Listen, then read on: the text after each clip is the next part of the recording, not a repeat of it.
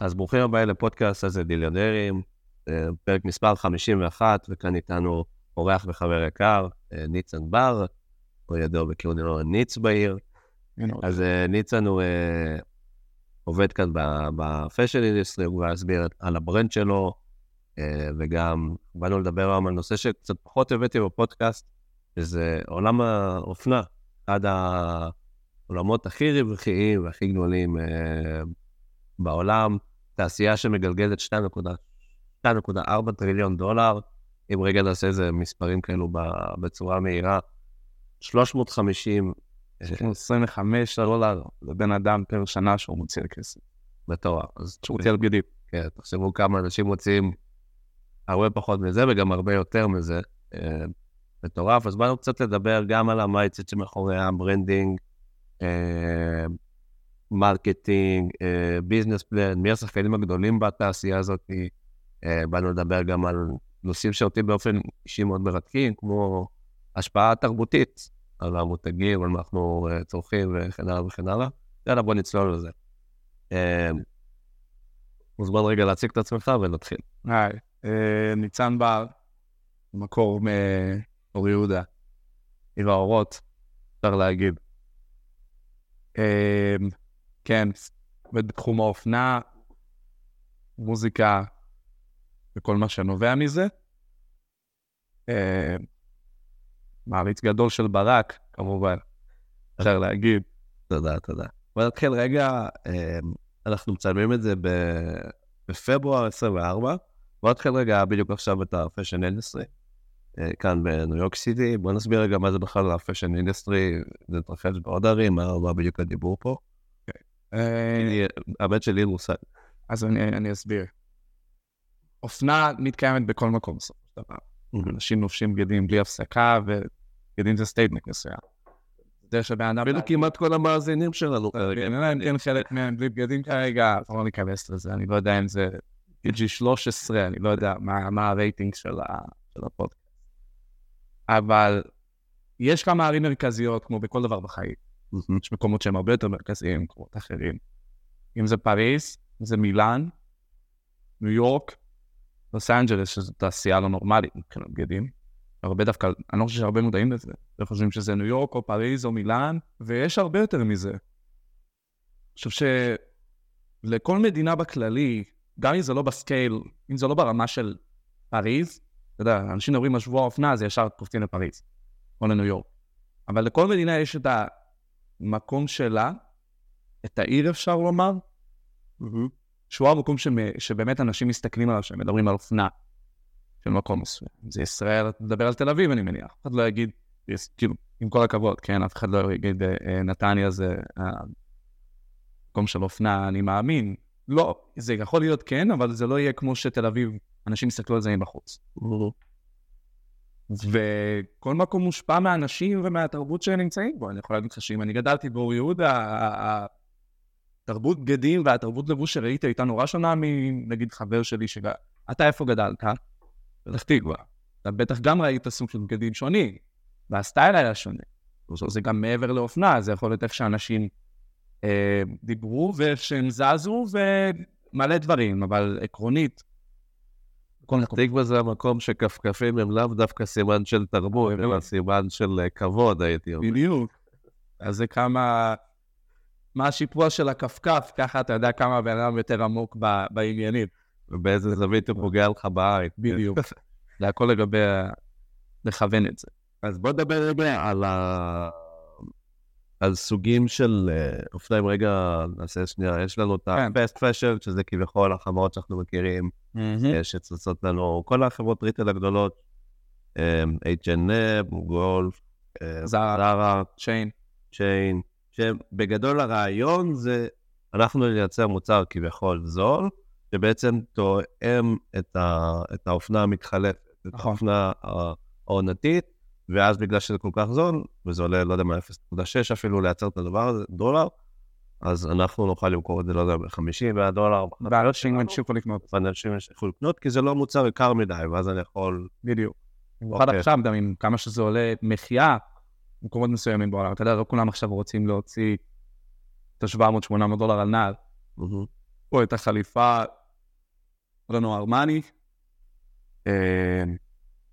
פראדה, איפסיין לורן, כל ה... אתה יודע, בסופו של דבר זה עולה כסף. ואני חושב שעם איך שאנחנו חיים היום, ועם כמה שאנשים מרוויחים, אתה יודע, זה כמו, זה כמו, זה כמו בנדל"ן. בסופו של דבר, המילה שאני מחפש היא, היא איך אתה מקצה את הכסף שלך לדברים שונים. אוקיי. אם אתה עכשיו, יש לך כמה עסקאות, אתה תדע איך, אוקיי, אתה יודע מה, אני הולך לשים 150 אלף פה, פה אני שם 30 על ההצעה, 40 אלף. שריון תקציבי. בדיוק. כן. עכשיו, בן אדם שיש לו הוצאות מסוימת, יש לך... אני חושב לעצמי שאם אנחנו מדברים על אנשים שהם בני 20 ומעלה, שהם דווקא יותר כן יסתכלו לתחום הזה, אלא אנשים שיש להם יותר מחויבויות בחיים, מבחינה כספית. זה, אם זה משכנתה לחלק מהם, אם זה רכב, אוכל וכל הדברים, אז ההקצאה שלהם לבגדים היא תהיה הרבה יותר נמוכה. כי זה לא הדבר המרכזי בחיים שלהם. שאלה, בגלל שקניית בגדים זה לא משהו רציונלי. נכון. האם זה שאני בעצם מקצה סכום, אני בטוח שחלק מהמאזינים, אה, בטח, אני מקצה אלף שקל בחודש ומסיים כן. את זה, אתה יודע, באיזה קנייה רגשית, בעקבות משהו שקרה במהלך החודש, ב-2, 3, 4 אלף אפילו בחודש. כן. אה, משולה אפילו כאלו גם יותר. אז איך אתה, איך אתה, מה אתה מסביר שבדיוק הסיבות שיכולות להשפיע גם על הדור הזה שהוא צורך הרבה יותר? Mm-hmm. מה, מי, מי מכתיב באמת את הקטע של התרבות, של ה trending, מאיפה החברות הגדולות לוקחות השראה, לדוגמה? נכון להיום, mm-hmm. במציאות שאתה חי בה, נגדיר מציאות, אבל במציאות שאתה חי בה, ה social media הרשת החברתית למיניהם זה טיק טוק, אם זה אינסטגרם, אם זה פייסבוק, לרוב זה יהיה טיק טוק ואינסטגרם, כי שם יהיה לך הרבה יותר קל, אתה יודע, הפעילות עצמה של הגלילה תהיה הרבה יותר מהירה מאשר פייסבוק, לעצור ולעשות לייק ולעשות תגובה וכל הדברים האלה. הבני נוער היום, זה מה שהם יודעים, זה מה שהם רואים, משם הם צורכים את כל המידע שלהם גם. אני, אני מאמין לעצמי שאם מישהו עכשיו רוצה לבדוק איך לעשות דבר מסוים, הוא לא יסתכל בגוגל, הוא יסתכל בטיק טוק או באינסטגרם, כי שם הוא גם יכול לראות את זה ויזואלית, איך עושים את זה. Mm-hmm. אז כשמישהו שם והוא רואה את זה, זה מה שהוא מכניס לתת מודע שלו. אם אני עכשיו, ואני גם יכול להגיד לך את זה עליי, לי זה היה לפחות לגבי מוזיקה, אם אני ב-2020 התחלתי להקשיב לאומן בריטי שקוראים לו סנטרל סי, הייתי אותו לובש חולצה מסוימת. ואמרתי לעצמי, אני חייב את החולצה הזאת, למרות שלא באמת הייתי צריך אותה, אבל זה הרגיש לי סוג של, אני מחובר לבן אדם הזה, וזה יגרום לי להרגיש כמוהו באיזשהו מקום, אז אני צריך את החולצה הזאת. אז לרוב, אני רוצה להגיד שמה שמשפיע זה מה שאנשים רואים. זה אם אנשים מסתכלים על מוזיקה ברמה מסוימת של, אתה יודע מה, האומן הזה, הקשבתי לו והוא הוציא אותי ממקום מסוים, אני רוצה להיות כמוהו, כי הוא מי שאני מסתכל עליו, והוא מי שאני רוצה באמת להפיק ממנו את מה שאני יכול להפיק, והוא מי שלוקח אותי למקומות מסוימים, mm-hmm. אז זה מה שאנשים יקנו. עכשיו, באיזשהו מקום זה גם בעיה, כי בסופו של דבר כסף מריץ את כל העולם. ואני מאמין שהאומן הזה, בטח שילמו לו סכום מסוים כדי ללבוש בגדים מסוימים, ואז הבני נוער, פשוט, לא בהכרח גם בני נוער, זה גם בני 20 או 30, אתה יודע, בסופו של דבר. רצים אחריו כמו עיוורים באיזשהו מקום. וזה בעיה. וצד שני, כאילו, כל אחד והסטייל שלו. אז אתה מבין, גם עם כאלה שיש להם פחות כסף לשים על זה, יש את הפתרונות לזה. אתה יודע, אני לא חושב שכסף גורם לבן אדם להיראות יפה יותר. אז בוא נדבר על זה ש... על סצנה ש... שהאמת בארץ היא טיפ-טיפה מתחילה קצת בתל אביב, אבל פחות, אה, פחות חזקה של הנושא הזה של thrift shop. thrift shop, שזה הבגדי יד שנייה. אה, האמת שלי לקח שנה להיכנס פה לחנות של thrift shop בעיר, אבל חייב להגיד שזה מגניב, ממש. אה, אז בוא נדבר רגע מאיפה... איך זה פתאום נהיה כל כך פופולרי, כי... תסביר רגע מה זה thrift shop כן, גם. thrift shop, זה בעצם חנות יד שנייה, שאנשים, אתה יודע, בסופו של דבר, אופנה באה והולכת. יכול להיות שאני עכשיו אקנה סוואטשרט, בעוד שנה אני אגיד, אתה יודע, אני לא רוצה את הסוואטשרט הזה. במקום לזרוק אותו ולבזבז משהו, אני יכול ללכת לחנות ההיא, לשים את זה שם, לקבל קרדיט מסוים, לקבל כסף שאני יכול לבזבז בחנות, ולקנות משהו אחר שאני אוהב. אז בסופו של דבר אני יכול לחדש את המלתחה שלי, mm-hmm. וגם ככה לשמור על הכיס שלי כמו שאני רוצה לשמור עליו. אם יש לי פחות כסף לשים, אני יודע שאת הבגד הזה אני לא לובש, אני יכול לשים אותו שם. אוקיי. Okay. אז אה, זה רעיון מעולה לדעתי. אם, אם לקנות בארצות הברית ג'ינס של ליווייס 501 יעלה לך 60-70 דולר בחנות, אתה יכול עכשיו לקנות אותו ב-12 דולר. וואלה. עכשיו זה מטורף. אז זה הרעיון של חנויות יד שנייה. אני רואה בזה גם כמשהו של, אתה יודע, אתה יכול למצוא שם, הבעיה בחנויות יד שנייה זה שאתה צריך לחפש בלי הפסקה, צריך לעבור בין ולהזיז. זה גם אקולוגי. זה נורא אקולוגי, שזה מעולה. אתה יודע, תעשייה של אופנה זה תעשייה של... מאוד מזהמת. גם השילוחים, גם הייצור. כל, כל, כל פעולה קטנה בתחום האופנה. אז הפעולה עצמה גם של לחפש יותר מכניסה אותך ללהבין, אוקיי, זה בד שאני אוהב, זה בד שאני פחות אוהב. אז יש בזה כל כך הרבה רבדים שאפשר להסתכל עליהם. אני שמח שזה תפס בארץ. אני עכשיו חזרתי לארץ לפני שבועיים, וראיתי, הייתי בתל אביב ויפו, וראיתי שם כמה חנויות, וזה היה מגניב לראות. קניתי גם כמה דברים. אז זה מעולה, ואני באמת ממליץ לכולם אה, ללכת למקומות כאלה. יש לי גם חברים באינסטגרם שאני רואה שהם מפרסמים אצלם בבית. יודע, יש חברים שגם שיש להם כאילו בית עם גינה, אז הם אומרים, אוקיי, אתה יודע מה, יום שישי הבא תבוא, יהיה קפה, יהיה זה, יהיה בגדים שאני לא רוצה כבר. בואו תקראו אותם בפחות. מגדיר. זה גם מחבר אותך לבן אדם. אז אני חושב שזה דבר נורא מבורך, וזה טוב שזה תפס בארץ. אה, יש לזה מלא השפעות חיוביות. מגניב. בוא נדבר רגע, אה, דיברנו על, fast fashion, דיברנו על... אה, דיברנו על thrift shop. בוא נדבר על רגע על מותגי אבל זה אני רוצה לא דווקא על כן. תרבות היפ-הופ וכאלו. מי מי השחקנים הגדולים כן. בעולם הזה? איך איך זה מושפע מ... אמ, כרגע אני רוצה להגיד שהאופנה נורא, זה סוג של מונופול. רוב המותגים שאתה מכיר, הבעלים שלהם זה LVMH. LVMH? LVMH. מי מי המוחזקים? אה, ברנרד ארנולד זה ה-CEO, אחד מהאנשים היותר עשירים גם בעולם. אוקיי. אה, לואי ויטון.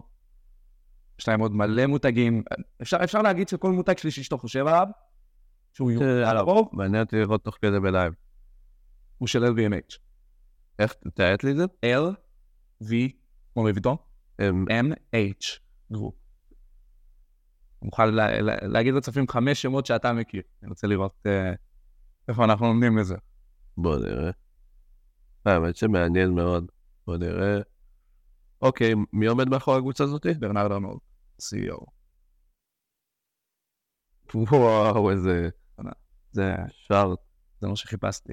זה, זה התגובה. בולגרי, סלין, דיור, אתה מבין? מרק ג'ייקובס, לא ידעתי. יפה, ג'יוונצ'י. זה powerhouse. זה מחזיק את הכל, כאילו אין פה... זה כמו קוקה קולה בארץ, אני חושב. קוקה קולה מחזיקים לדעתי את רוב המשקאות. מטורף. כן, LVMH זה... זה מקום ראשון. דונה קארן, ניאו, פנדי. וואו, זה לא נורמלי. כל מי שאתה רוצה. פנסי, וואו. לא נורמלי. זה פאוור. באמת. אוקיי. אז LVMH מחזיקים את... אז איך זה רשום לי שיש להם minority stake בהרמס, והרמס זה מקום שתיים.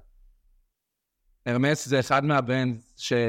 אחד מהמותגים שנשארו מחוץ ל-LVMH. אני חושב שעד שנת 2002, אני חושב של-LVMH היה 4.6 או 4.9 אחוז החזקה בהרמס.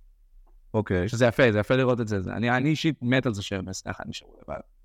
אתה יודע, בסופו של דבר, בכל דבר שיש לך מונופול, להילחם מול מונופול זה דבר נורא קשה. ברור. ולהיות ברמה כזאת כמו הרמס, זה מבורך. מבחינת התעשייה.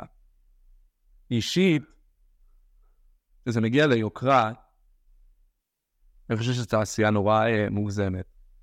אני לא יודע, תשמע, יכול להיות שנסתכל על הפודקאסט הזה עוד חמש שנים, ואני שורף את עצמי עכשיו במלא מקומות עכשיו, אני יוצא על כולם, אבל זה מוגזם באיזשהו מקום.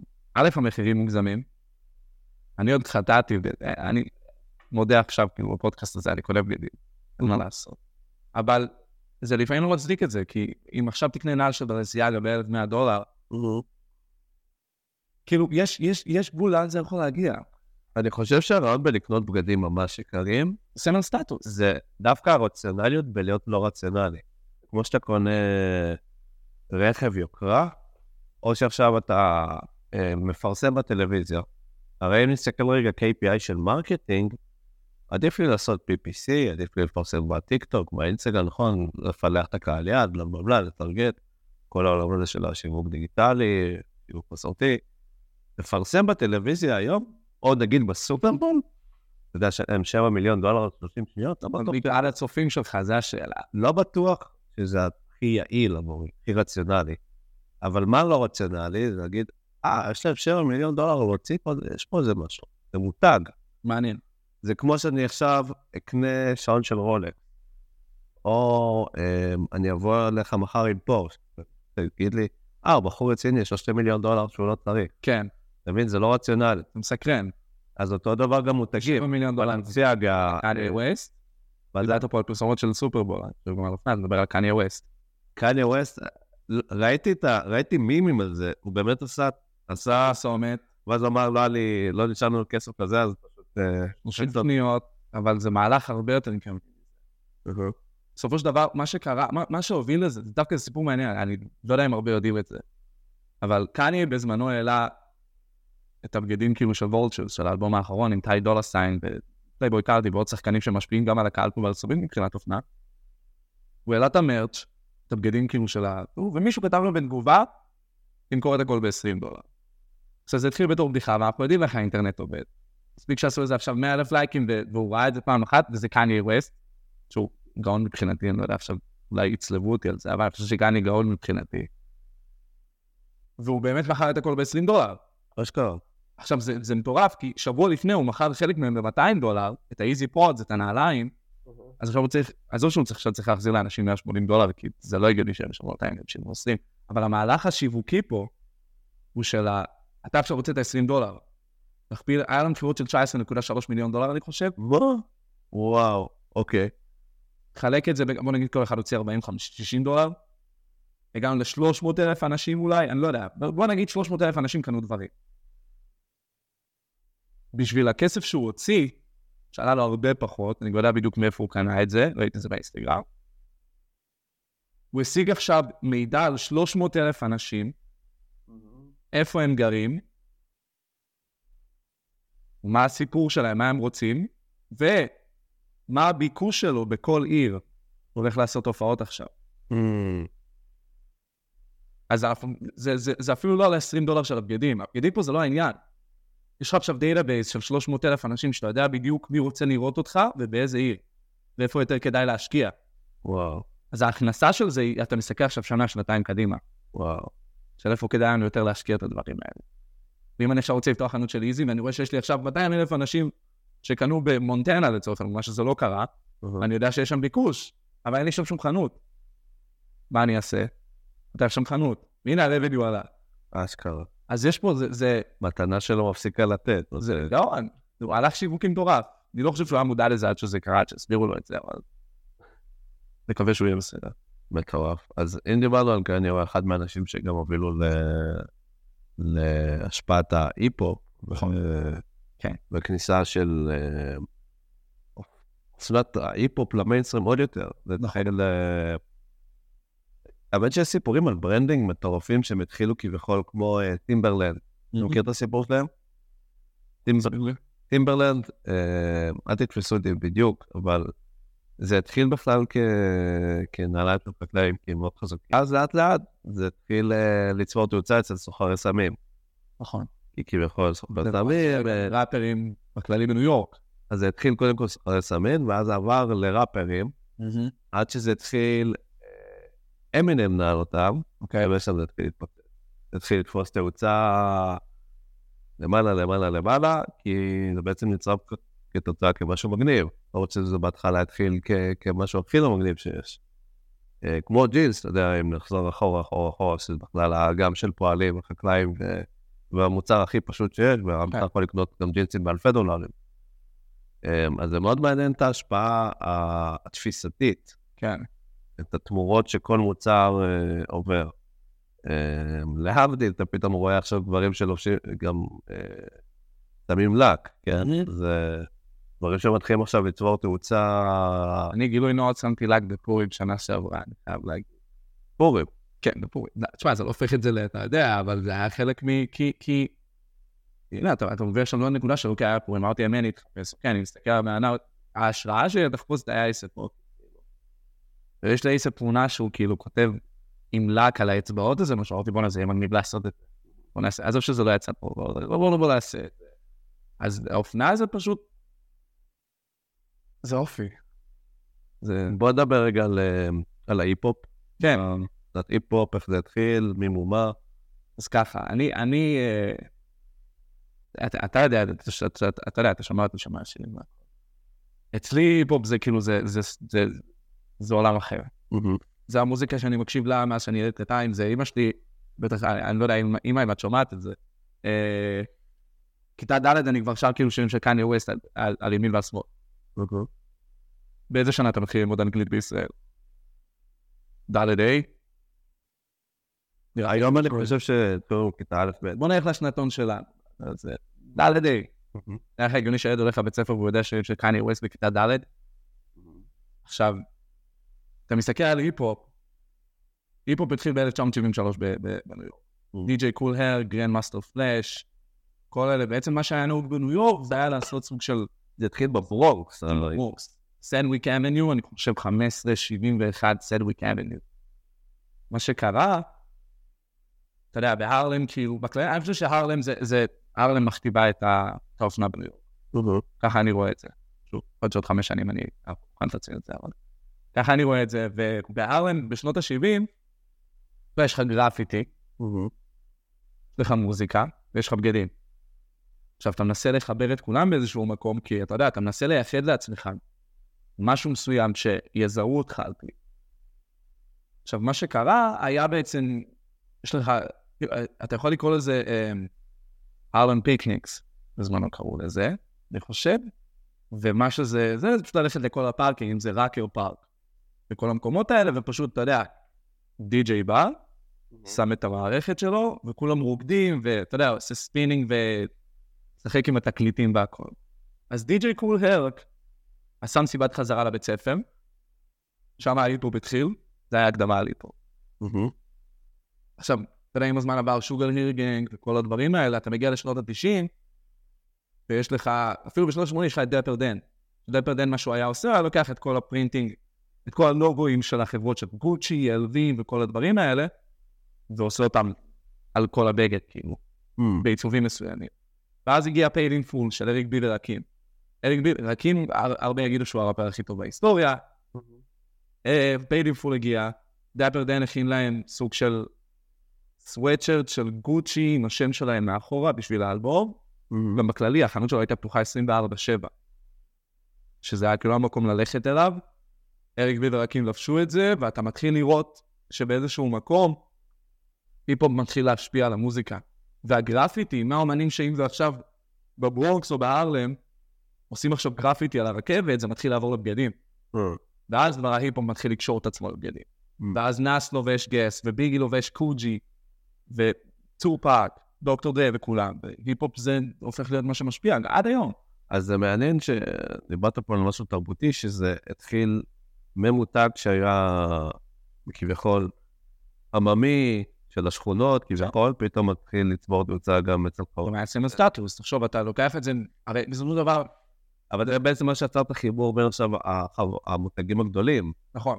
מה שאפשר לך. קוצ'י, בלציאגה. משהו שיותר מעניין, זה שבזמנו, הרי אנשים התחילו ללבוש, וזה היה סוג של סמל להצלחה, כי זה מה שהם ידעו. אתה יודע, בסופו של דבר בונים לך פה את הפרויקט, פרויקט זה, איך אני אסביר את זה בעברית? זה סוג של שיקודים. סוג של שיכונים שבנו פה. עמידר. והקטע של השיכונים זה כאילו המטרה הייתה סוג של להשאיר את כולם בתוך השיכונים, הרי יש לך הכל בתוך השיכונים. יש לך את הסופר, יש לך, אתה יודע, כולם מכירים את כולם, אז כולם נשארים בפנים. והאנשים שאתה מסתכל עליהם, זה האנשים שלובשים את הבגדים האלה. בשביל, בשבילך זה האושר שאתה רואה. אז אנשים התחילו להיקשר לזה, וזה הפך להיות סמל סטטוס, זה סמל לצאת באיזשהו מקום. ואז קצר של דמי תקשורת ערך, גם באופנה. אתה מבין?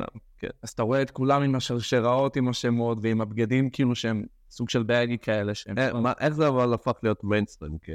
אוקיי, אז מה שקרה, כסף, מניע את הכל, מותגים ראו שראפרים התחילו ללבוש אותם, ואנשים עוקבים אחריהם, אז יש לך פה נתח שוק מסוים שאתה לא מנצל עדיין, אז התחילו לעשות את כל הלבושות וכל הדברים האלה, וזה משהו נורא מעניין לראות, כי עכשיו, בשונה מאז, ראפרים לובשים את הבגדים של עצמם, חלק מהם, חלק שמשפיעים. חלק עדיין ילכו לדיור ולכל המקומות האלה, אבל אתה תראה יותר כאלה שפותחים לייבל משל עצמם. אם זה טיילר דה קריאטור, שפתח את גולף, אייסאפ רוקי עם AWGE, אנשים, זה משתנה. לא תראה עכשיו, קשה לי לראות עכשיו ראפר שלובש טומי אבל בשנות ה-80 טומי הילפיגר היה הדבר ללבוש בשביל ראפרים, וואלה. אז יש פה גם סוג של הבנה עצמית של אני מותג בתור ראפר, ומסתכלים עליי, למה שאני לא ארוויח מזה, ואוציא את הרעיונות שלי לעוד מקומות ולעוד מקומות, כאילו, להרוויח עליהם. אז זה מעניין לראות את זה, אבל אני חושב שיש קשר שהוא, אין פה צל של ספק, שהיא פה פרט משפיע, אתה גם יכול לראות את זה שמי שעומד כרגע בלואי ויטון, מי שהקריאיטיב דירקטור, שהוא אחראי על כל הדברים שם, זה פרל. וואלה. פרל שם, אחרי שווירג'יל, זיכרונו לברכה, הייתה ב-2021. פרל שם, ואתה רואה שזה עדיין מוחזק על ידי, הרי פרל, אתה יודע, פרל היה במוזיקה, פרל מפיק, רגע של קניה. אז אתה רואה שיש לך עדיין, אם יש לך מישהו שהוא עסק במוזיקה מעל 20 שנה, והוא עכשיו משפיע על האופנה, אני, אני אפילו לא צריך להרחיב במילים. אתה יודע מה ההסבר לזה. ככה אני רואה את זה. מטורף. אמ, בוא נדבר רגע על נושא של אה, הקמת עסק בעולם האופנה. כמה, אה, אתה יודע כמה פחות או יותר יש לך אנשים שמנסים להקים עסק עצמאי בעולם האופנה?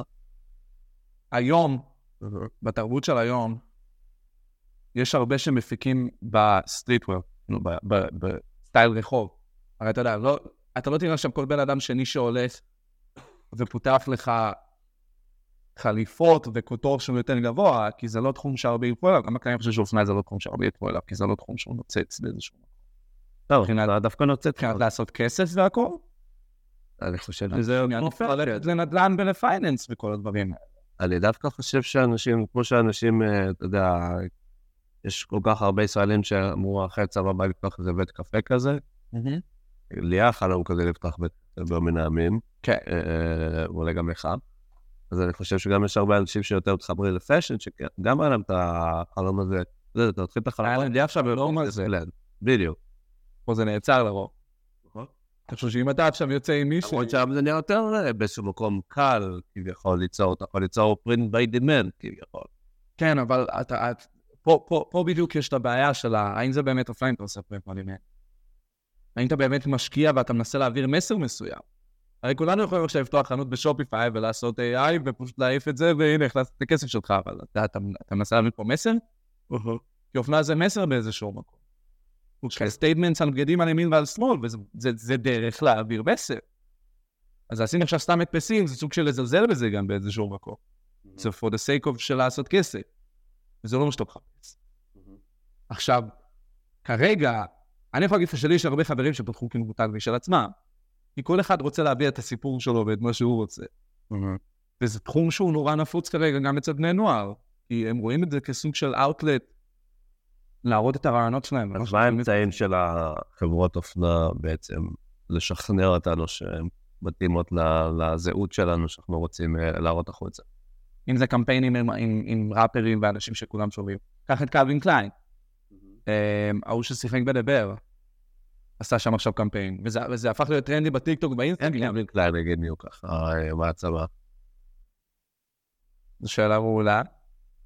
אה, זמן מוסיף על זה, ופשוט זה, זה, זה הפך להיות סוג של, בסופו של דבר, זה גדל, וככל שאתה מוסיף עוד אנשים שכולם מכירים, אתה רק תגדיל את זה, כי אתה תגיד, אוקיי, קנדל ג'נר הייתה שם הרבה זמן בתור זה, ואם אתה מסתכל על קנדל ג'נר ואתה אומר, אוקיי, היא נראית ככה בזמן שהיא לובשת את הדבר הספציפי הזה, אם אני אלבש את זה, אולי גם אני אראה ככה, אולי גם אולי זה יראה. וגם איתו עכשיו, ההוא ששיחק ב The Bear, זה הפך להיות טרנדי בטיקטוק, כי כאילו כולם אמרו, תראה, מה זה, הוא ממש יפה, ושש קוביות, וזה הפך להיות ויראלי, אז אתה יכול להגיד שהקמפיין שלהם הצליח. אבל כן, זה, זה, ליצור, בסופו של דבר, כל, כל, כל הדבר הזה ליצור סוג של זהות מסוימת, שיחבר אותך למוצר. אם אני עכשיו אוהב את סנטרל סי מלונדון, ראית, זה קרה, בלייב אמרתי את זה פה, לפני 20 דקות כבר. אהבתי את הראפר, ראיתי אותו לובש את זה, אמרתי, אני צריך את זה גם, לא חשבתי בכלל.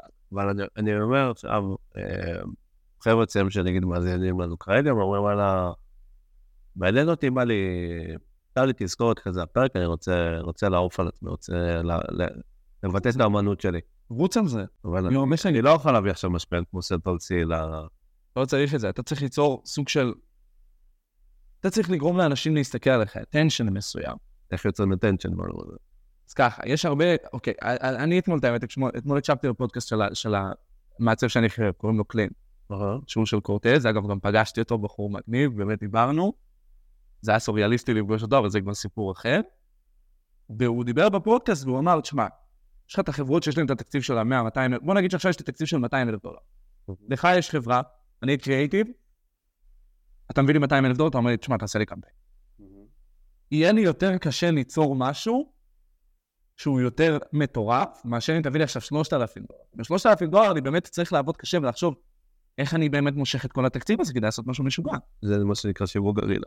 אתה מבין? אז קורטן עושים הרבה שיווק גרילה.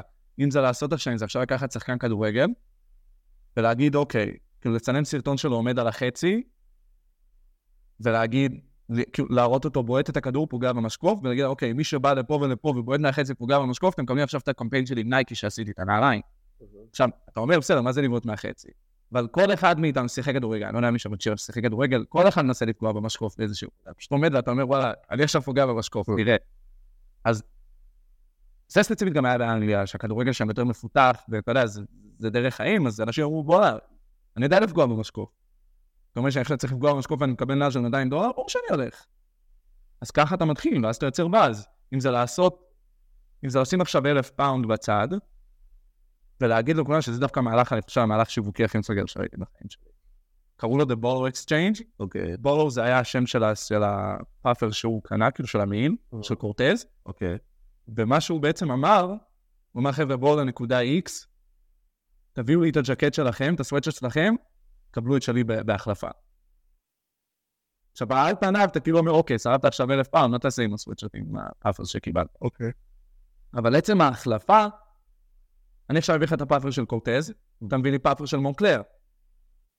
כבר שמתי את ה puffer שלי באותה רמה של מונקלר, מונקלר עולה אלף ומשהו דולר. אוקיי. אז כבר הערך שאתה מדמיין את הדבר שלי כבר הגיע למקומות מטרפים. ואז אחרי זה, עזוב שהוא גם תרם את זה אחרי זה לאנשים שאין להם כסף וזה מעולה. מה, מה המסע שיווק הכי גאוני שהיית בעולם הזה? מסר שיווק? לא, מסע שיווקי. השיווק גרילה הכי מטורף שראית. אני נגיד, לאחרונה ראיתי הרבה אנשים שמשתמשים ב-AI. כן. כלומר, אה, לוקחים עכשיו איזה אתר מפורסם בעולם, נגיד, אה, לא יודע מה, פיזה או אייפל, ופשוט נגיד, אה, נגיד ראיתי את הביג בן, פרסומת של נורד פייס, וכאילו רואים את הביג בן נעטף על ידי פיינט. כן, ה-CGI וכל הדברים האלה. כן. וכאילו, להם זה עולה, לא יודע מה, 50 דולר של שם למעצב שלהם, כאילו אולי על שעה נוספת, וחמש דקות עבודה, אבל זה כאילו impact של מיליונים. אז יש לי שלוש דוגמאות. אחד, ג'ק מוס, שזה מה שהם עשו בצרפת, לא יודע אם אתה ראית את הסרטון, זה יש סרטון של סוג של תיקים שנוסעים כאילו במקום רכבים. אוקיי. עכשיו, התיקים של ג'ק מוס, לכל בחורה שנייה יש את זה, כל בחורה שתאמרת, אתה יודע מה זה ג'ק מוס. אתה רואה תיקים ואתה אומר, רגע, זה אמיתי, זה לא אמיתי. זה כבר יוצר באז מסוים, זה א', ב', מוס נקלס, שזה מותג דווקא מקנדה, של פאפרים גם, מה שהם עשו, הרי בניו יורק קר. אין מה לעשות, בקיץ, בחורף קר פה נורא. מה שהם עשו, היה להם קולקציה חדשה, הם שמו ב downtown מנהטן באזור של סוהו, את השלושה מעילים מהקולקציה שלהם, בתוך קוביית קרח ענקית. כל אחד, נו, ברגע שזה נמס, הראשון שלוקח מקבל את המעיל. אשכרה, עכשיו זה מעיל של 700-800 דולר. ואנשים, או שהם שברו את זה, ואז אתה כבר אומר, רגע, יש פה מישהו באמצע הרחוב ששובר קרח, כאילו, אנחנו, לא בימי הביניים, מה קורה שם? אתה כבר יוצר את זה, או שאנשים פשוט, כאילו, אתה יודע, אתה עובר שם יום, ואתה אומר, וואלה, אולי מחר זה כבר יימס, ואני אהיה פה איכשהו ואני אקח את זה. זה מדליק אותך. ושלוש, זה ה Bolo Exchange של קורטז. של הלשים, אם אתה עכשיו, אתה עכשיו שותה תה, נכון? אתה מחזיק את הכוס הזאת, נגיד אתה אומר שהכוס הזאת נתן לך 20 דולר. יש את הכוס הזאת שהיא של גוצ'י. אוקיי. הכוס הזו 1,000 דולר. אני אומר לך, תשמע, תביא לי את זאת, אני אביא לך את זאת, וזהו. כבר העליתי את הערך שלך ל-1,000 דולר באיזשהו מקום. כי אתה אומר, רגע, הוא החליף את זה על גוצ'י, זה אומר שזה מספיק טוב. אז אתה כבר מעלה את הערך שלך בכמה רמות, וזה אני חושב שזה מהלך גאוני. חד משמעית, שלושת אלה זה אני חושב שזה בלופרינט. מחיר זה מה שאתה משלם, ערך זה מה שאתה מקבל. בדיוק. חד משמעית, וזה בלופרינט. אז בוא נדבר על שנייה רגע אה, משהו קצת פרקטי למדדים שלנו, action item של עכשיו יש לי איזה brand שאני רוצה להוציא. בוא נגיד ארבעה דברים שאתה ממליץ למישהו מתחיל. אה, ארבעה דברים, אוקיי. א', מקוריות. אני חושב ש... אתה יודע, ורג'יל בזמנו, אני חושב, ורג'יל הוא pioneer. ורג'יל מי שלא מכיר, ורג'יל התחיל בתור, uh, המותג שלו היה Pyrex, שהוא התחיל בהתחלה, ואז הוא הפך להיות Off White, ש Off White כולם מכירים. כולם בישראל יודעים מה זה Off White. ורג'יל בעצם טען שיש דבר שנקרא 3%. חוק ה-3%. זאת אומרת שאתה צריך לשנות משהו 3% ואתה הופך אותו למשהו חדש לגמרי. ומה שזה אומר, קח, לדוגמת הנייקי Dunks. זו תקופה שכולם נעלו פנדה. שאם אתה לוקח את הפנדה ויש לך את הדגם של Off White מסוים, שהוא לא באמת משנה, יש לך פשוט עוד כמה חבלים מעל הנעל, והערך עלה לאלף ומשהו דולר, אז הוא לא באמת שינה משהו, הוא שינה אולי שלוש אחוז, אבל זה הופך להיות משהו חדש. אז זה לשמור על... שיהיה לך סוג של basic מסוים, אבל לשנות אותו לאיך שאתה רואה. אוקיי? זה א'. ב', שיהיה לך למה מסוים. אתה יודע, תמיד מדברים על, you know, like, אתה צריך שיהיה לך את ה-why, למה אתה עושה את מה שאתה עושה. אני יודע שאצלי לפחות, במותג שלי, מה שכאב לי, זה שאם ההיפ-הופ התחיל בניו יורק, בניו יורק זה ניו יורק, אין מה לעשות, הכל יותר גדול בניו יורק. למה עכשיו מותגים ממדינות אחרות לוקחות את ההיפ-הופ, עושות מזה אופנה, ואנשים מניו יורק לובשים את זה כשזה לא מניו יורק. זה סוג של הגיע הזמן להחזיר את, ה, את הגביע חזרה לניו יורק. זה מה שאני מנסה לעשות. אז זה להבין למה אתה עושה את זה. אם אתה אומר, אני אעשה את זה רק בשביל הכסף, זה, זה לא יחזיק הרבה זמן. זה שתיים. שלוש, זה networking, אחי. זה כמו בנדל"ן. אתה יודע מה זה... איך אני יכול להגיד networking בעברית? mingling. Mingling, זה גם באנגלית. אבל כן, קשרים, אה, מערכות יחסים. זה חשוב. אתה יודע, אני נגיד הייתי באירוע, ומה שקרה באירוע, סתם פגשתי, כאילו, הייתה שם איזה מישהי, עם מייל, ואמרתי, וואו, זה מייל מגניב. אז אני כן, חבר שלי שמכין איזה פולאדי, הביאה אותו, כאילו, דבר הבא שאתה יודע, אני מדבר איתו וזה, אנחנו מחליפים אינסטגרם. והבן אדם חבר של דרייק, וחבר של כל האנשים שאתה רוצה בתעשייה, אז אתה מבין שכאילו, נטוורקינג זה דבר נורא חשוב, זה נורא חשוב. ככה גם כאילו אנשים יותר ידעו מה אתה עושה. שומר את זה לעצמך, אף אחד לא ידע. ובאמת לרדוף אחרי זה, לעשות את זה. לא משנה מה אנשים יגידו. חלק יגידו לך שזה לא זה, אבל בסופו של דבר הם לא עשו את זה. אז אני הבדיחה פה בעצם. אתה יודע מה, מה אני אוהב? חברות שנותנות לך להרגיש שהן עובדות קשה עבורך. כן. נכון. איך אתה יודע? כי הם מספרות לך את זה בכל הזדמנות. אמ, שי אחי, שהיה פה עכשיו בשבוע, הוא ממש אוהב, אה, חובב פסמים. פסמים מיוחדים, כאילו, מצד הפסמים הרגילים, הוא מנסה ללכת לכל הפסמים הבוטיק האלו, החדות שמייצרות את זה במקום, אין בית ללאבו. אז אוקיי. אתה מגיע ללאבו, ונותן לך לארח, וזה כזה, נעים, מיוחד, כן. ואז על זה עושה לך איזו שיטת מכירה כזאת, מאוד מעניינת. שליטה מסוימת. גם תחושת שליטה, אתה מתחיל להרגיש שזה מיוחד ומתחבר לזהות שלך, וזה כזה, זה נראה בן אדם קצת יותר ססגוני, בוא, הריח הזה, טה-טה-טה. אז הם עובדים לך על הזהות, ואז בסוף, בשביל לתת לך את הפיץ' מכירה, אתה רואה שהוא מייצר לך את הבושם במקום. הוא נותן, וואי, זה עכשיו זה מעילים כאילו, זה רק אני, ווואי, הם עובדים כל כך קשה, ואז, אה, על הדרך זה יעלה לך 400 דולר.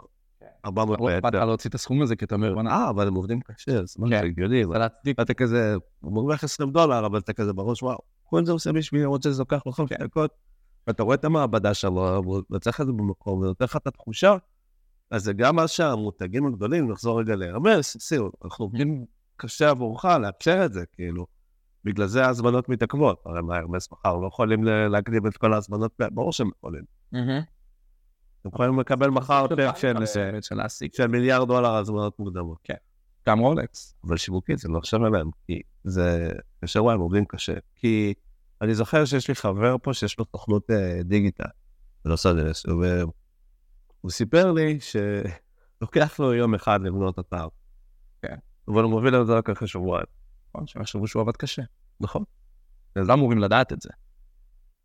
לא, אז אני חושב שגם אה, יש את הנושא, זה הרציונלי לא רציונלי, כי אתה אומר, אה, זה מאוד רציונלי לספק ללקוח שלך מיד. ואתה עושה את התת תמונה, שאתה לגרום לו את התחושה שהוא עובד מאוד קשה עבורך. כן. אתה עושה רגיש מיוחד. לא, אה, לקח לו חמש דקות לייצר לי את זה פה במכונה, זה לא באמת שווה הרבה. אבל אם, אם, לא יודע מה, הוא הביא לי את זה בד מיוחד מקשמיר, וטה-טה, ועד שהוא הדפיס, הוא חיכה לזווית הנכונה ולא המיוחד, וזה המתין בשמש כמו איזה עגבניות מיובשות, כן, אה, יש בו שיבור. אני אוהב יבש. זה מעניין. לא למותג הבא. כן. זה מעניין. זאת נורא מעניינת. תשמע, מה אני אגיד לך? אין לו מחשבה. נכון. אתה רואה... האמת שאתה יודע, זה, זה מטורף שנגיד, הרמס הרבה יותר גדולים בשווי שלהם מאשר נייקי. ראיתי את הסטטיסטיקה הזאת פעם שאלתי כזה. כי אתה אומר, אני רואה את נייקי כאילו בכל מקום, אתה יודע. כן. אתה רואה את זה עם כוכבי תרבות, אתה רואה את זה, יש להם גם את ה... מי עשתה את ה fast fashion שלהם, ויש להם גם את המותגים שהם איתנו כבר המון זמן, כמו Air Force One, כן. וכן הלאה. אה, וכן מנסים לפנות לקהל קצת יותר עשיר. שאלה זה, אבל מה הנקודת מכירה שלהם? מה, מה, מה המחיר? אתה יכול לקנות ברקין בהרמס, אתה יכול לשלם עד 400 אלף דולר על ברקין. אתה מבין שהרמס... כמה מכירות אני צריך לעשות בנייקי כדי להגיע ל-400 אלף דולר? נכון, ותפעול, עובדים, והביד, וסניפים, מבין? ו retail. להכין את התיק, אוקיי. כאילו, respect, כן? ברקין זה ברקין, זה לא צחוק. אבל 400 אלף. כן. עכשיו אני אגיד לך, אוקיי, אתה יודע מה, יש לי קומפלקס של 400 דירות, זה שווה 400 מיליון דולר, והוא מכניס לי XYZ, ואתה בא אליי עם, אוקיי, אבל חכה, אבל לא, רגע, אבל יש 400 נכסים, שכל אחד 100 אלף דולר, זה לא אותו משחק. אז ככה אני רואה את זה. אני מעדיף שיהיה לי את הקומפלקס עם ה-400 ומשהו חדרים. הרבה יותר בטוח. או שזה לא יותר בטוח. לא יודע, לאן זה כבר שיחה. כן, זה שיחה אחרת, תלוי איפה, תלוי איזה... אה, תלוי, תלוי בלוקיישן. הופה, נכנס פה עכשיו לעוד תחום באופן, שהלוקיישן זה דבר נורא חשוב. יש לך חנויות שלא מוכרות פה בכלל, והם סתם שמים את עצמם פה רק כדי שתיירים שעוברים יראו. שדרה חמישית, יש שם חברה אחת של רווחית, מת לדעת. אני חושב שזה יותר נדל"ן. זה יותר, זה יותר להיצרב בתודעה, כי הסדרה חמישית נצרבה בתודעה של וואו, הסדרה חמישית בניו יורק, זה המקום להיות פה. אני מת לדעת אם יש שם מותג אחד שהוא... אתה יודע, אה, אני זוכר, העליתי לסטורי שלי, ש... מי קנה את הבניין? על פראדה. פראדה. על פראדה שהם קנו את החנות שהם החזיקו ב-30 שנה האחרונות, קנו את זה תמורת 435 מיליון דולר, יש לי גם עכשיו... וזה אחרי, אחרי שהם תבעו את הבעלים שם ב-2019, זה משהו קטן, והגישו ל 435 מיליון דולר, הם החליטו לקנות את הבניין לידם, שהוא שימש טוב כמשרדי. כאילו זכויות אוויר? לא, הם לא נראה לי הולכים לבנות לגובה, פשוט קנו אותו, עוד איזה 415 מיליון, בסך הכל הביאו לו 850 מיליון דולר. פראדה. כן, כן. ואז אני זוכר, העליתי את זה לסטורי, ואז איזה חבר פה בעיר עושה לי, אה, כן, זה מישהו במשפחה שלי. די. בצרף. זה networking, זה גם, זה networking, אחי. זה networking, אבל... א' זה מטורף שלחברת יש כל כך הרבה קאש. או שאני לא יודע מה בדיוק התנאי לימוד שעובדים מאחורי הטרנזקציה הזאת, אבל... אגב, פראדה, LVMH לא מחזיקים את פראדה, זה גם אחד מהבולרים שלא נכנסו תחת... האמת שבעצם הגודל שלהם בשווי שוק שלהם גם. זה מעניין מאוד. אני אישית לא לובש פראדה. זה מאוד מעניין כי עולם הריטל מאוד משתנה, הוא מאוד היום ב... עוד יותר אפילו בחוות לקוח. כן. מאוד יקר. זה מעניין אבל. אני הייתי בטוח שה... שזה יתחיל להצטמצם, או שתהיה חוות לקוח מטורפת. כמו שאתה הולך אפילו על חמישית, כמו שהיה לך פעם את הדוגמנים באמבר קומי, כן. כאילו בא, בא, רובית מלכה, בא לחוויה. רובית מלכה עשתה שם. אה, באמת? היא גם הייתה? היה לה סרטון עם ג'יי אלוורז. איזה שלומית מלכה. היה מדהים לראות את זה, אבל חוויית לקוח זה דבר נורא מעניין, אני אגיד לך גם למה. דרך שני מותגים, בקיצור. נכנסת עכשיו ללואי ויטון. ראו אותך, הביאו לך את. מים מוגזים, ניב גלבוע. כן. אתה מרגיש שאתה באיזשהו מקום מסוים. כנס עכשיו לחנות של קרום הארץ. לא מכיר, אבל אוקיי. קרום הארץ, זה מיוחד. זה התחיל ממש מלפני מלא זמן. יורקים עליך. לא, לא, חכה, לא יורקים עליך. אסביר לך בדיוק מה קורה. Chrome Hearts, זה מלא ראפרים לובשים את זה עכשיו. לבשו את זה גם עוד לפני מלא זמן, זה לא דבר חדש, אבל מה שהתפוצץ אצלם זה הג'ינסים עם הצלבים עליו. תלוי כמה צלבים יש על זה, אתה יכול לקנות אפילו ב-7-8 אלף. מה? אני יכול להגיד לך ש-4G seller, אני עושה לו עכשיו marketing פה בחינם, מה שהוא עשה בשבוע האופנה בניו יורק, הוא זרק מהמרפסת של החנות שלו בקומה השנייה בסוהו, ג'ינס של קורמארט שעולה 10 אלף דולר. מה? היה מריבה ברחוב, אנשים כאילו התחילו למשוך את הג'ינס לכל מקום. ועצרו אותו ליום לא, זה יום יומיים, כי הוא עשה כאילו סוג של... איך, איך אני אגיד את זה? הוא עשה סוג של התלהמות בציבור, וגרם שם לדברים כאילו מפגרים. אז קרוב הארצים, תיכנס לחנות, א' כל אסור לצלם בחנות, וב' מתייחסים אליך זוועה. אני, אני אישית הייתי בחנות שעות, מתייחסים אליך זוועה. אתה לא רוצה להיות בחנות הזאת, ועדיין, Chrome Hearts, זה סמל. כי, כי, כי הראפרים נושאים את זה, והשחקני כדורסל נושאים את זה. אתה רוצה להיות כמוהם. אתה כאילו חושב, יש בזה משהו? כן. אני אישית לא הולך להוציא עכשיו 7 אלף דולר כאילו על ג'ינס. זה לא מי שאני וזה לא מה שאני חושב שאני צריך לעשות. מה שגם זרה הולכים בכיוון. אה, Shein. קבל תביעה בסוף הפרק. כן. Cease and desist. כן. לא תודה. למה, אני אוהב אתכם זר, אחלה בגדים. קולקציה חדשה, יפה. הפרק בחסות. אה, סבבה, משהו אחרון כזה לסיום? אה, אני רוצה להגיד לאנשים, כן לרדוף אחרי החלום הזה אם יש לכם לפתוח מותג. כן תראו מה אתם יודעים ומה אתם חושבים. אל תגבו לאנשים לעצור אתכם. אני חושב ש... להקשיב יותר להיפ-הופ. אמינם זה לא... אמינם respect, אבל אמינם זה לא באמת היפ-הופ, אני חושב. כאילו, הוא כן היפ-הופ, אבל הוא מיינסטרים. ו... תקשיבו למוזיקה, תעשו מה שאתם רוצים, יש לכם חיים פעם אחת. ורוצו אחרי החלומות שלכם. איך אה, חבר'ה פה אתה רוצה לדבר רגע על המותג שלך? כן, אה, אז הסברתי למה המותג שלי, אה, למה פתחתי אותו. יש לי פה מלא חברים בניו יורק, בכל התחומים, זה בענף המוזיקה, חברים שעובדים ב Roc Nation, ג'יי זי, הם אגב מחזיקים את Live Nation, ושם אתה קונה את רוב הכרטיסים בפסטיבלים בארצות הברית. וג'יי זי זה ג'יי זי, respect, מנטור, באיזשהו מקום, במוזיקה שלו. אגב, מי שרוצה להתחיל משהו, באמת מחפש inspiration, מחפש השראה, Reasonable Doubt, האלבום הראשון של ג'יי זי, זה ה blueprint שלכם. להצלחה, ככה אני רואה את זה. בחזרה לנושא, אה, כן, זה משהו שחשבתי עליו הרבה זמן. באיזשהו שלב גם כשאתה בתוך התחום הזה, אתה אומר, בואנה, כאילו, זה משתנה, אבל לא משתנה. במקום לעמוד בצד ו- ולהגיד, בוא, תראה איזה מגניב הוא עושה את זה, למה לא לעשות את זה בעצמי? אז החלטתי כן לעשות את זה בעצמי. Um, אני אוהב את זה, למרות שיש בזה משהו נורא מאיים, שאתה יודע, אתה מוציא משהו שהוא שלך החוצה לעולם, ואתה רוצה את התגובה של כולם. וזה לא שזה החמישה חברים הקרובים שלך, אתה מוציא את זה לעיר שלמה, אפילו למדינה. יש בזה משהו שהוא קצת anxiety provoking, אתה כן נלחץ באיזשהו מקום, אבל בו, ש... בו זמנית אתה אומר, אבל מה אם זה כן אצלי? מה יקרה אז? טוב, אתה יכול... זה מטורף, כאילו יש גם כל כך הרבה משמעות מאחורי זה. אני אתן את קלינט עוד פעם, פעם אחרונה, ואני אתן אותו כדוגמה. אתה רוצה לעבור גם לריטל פיזי? לא. אני חושב שריטל כרגע גם, יש פה, יש פה מכת גנבות מטורפת בעיר. אם תלך בסוד, אתה תראה ש... הבנתי, אתה יודע, כתבתי קבוצה על הנושא הזה שבקליפורניה אפשר 950 לגנוב בחנויות. מסתבר שגם בערב שזה 300 או 600 או שכזה. כן, אבל גוצ'י דווקא חטפו, אני חושב, זה לדעתי היה בגוצ'י, אם אני לא טועה. ריטל value, עכשיו יש הבדל רק בין ריטל value לבין כמה זה עולה. ה retail value היה 245 אלף דולר, אני חושב שגנבו להם, באור יום. מה? באור יום. רואים את זה גם במצלמות אבטחה, ובגלל זה בכל פינה עכשיו בסוהו יש שוטרים. retail זה הרבה יותר ענק ממה שאני חושב שאני עושה כרגע. המטרה שלי זה להיכנס לדור הבא של ניו יורק וארצות הברית בכללי, mm-hmm. ולהחיות את ההיפ-הופ באיזשהו מקום.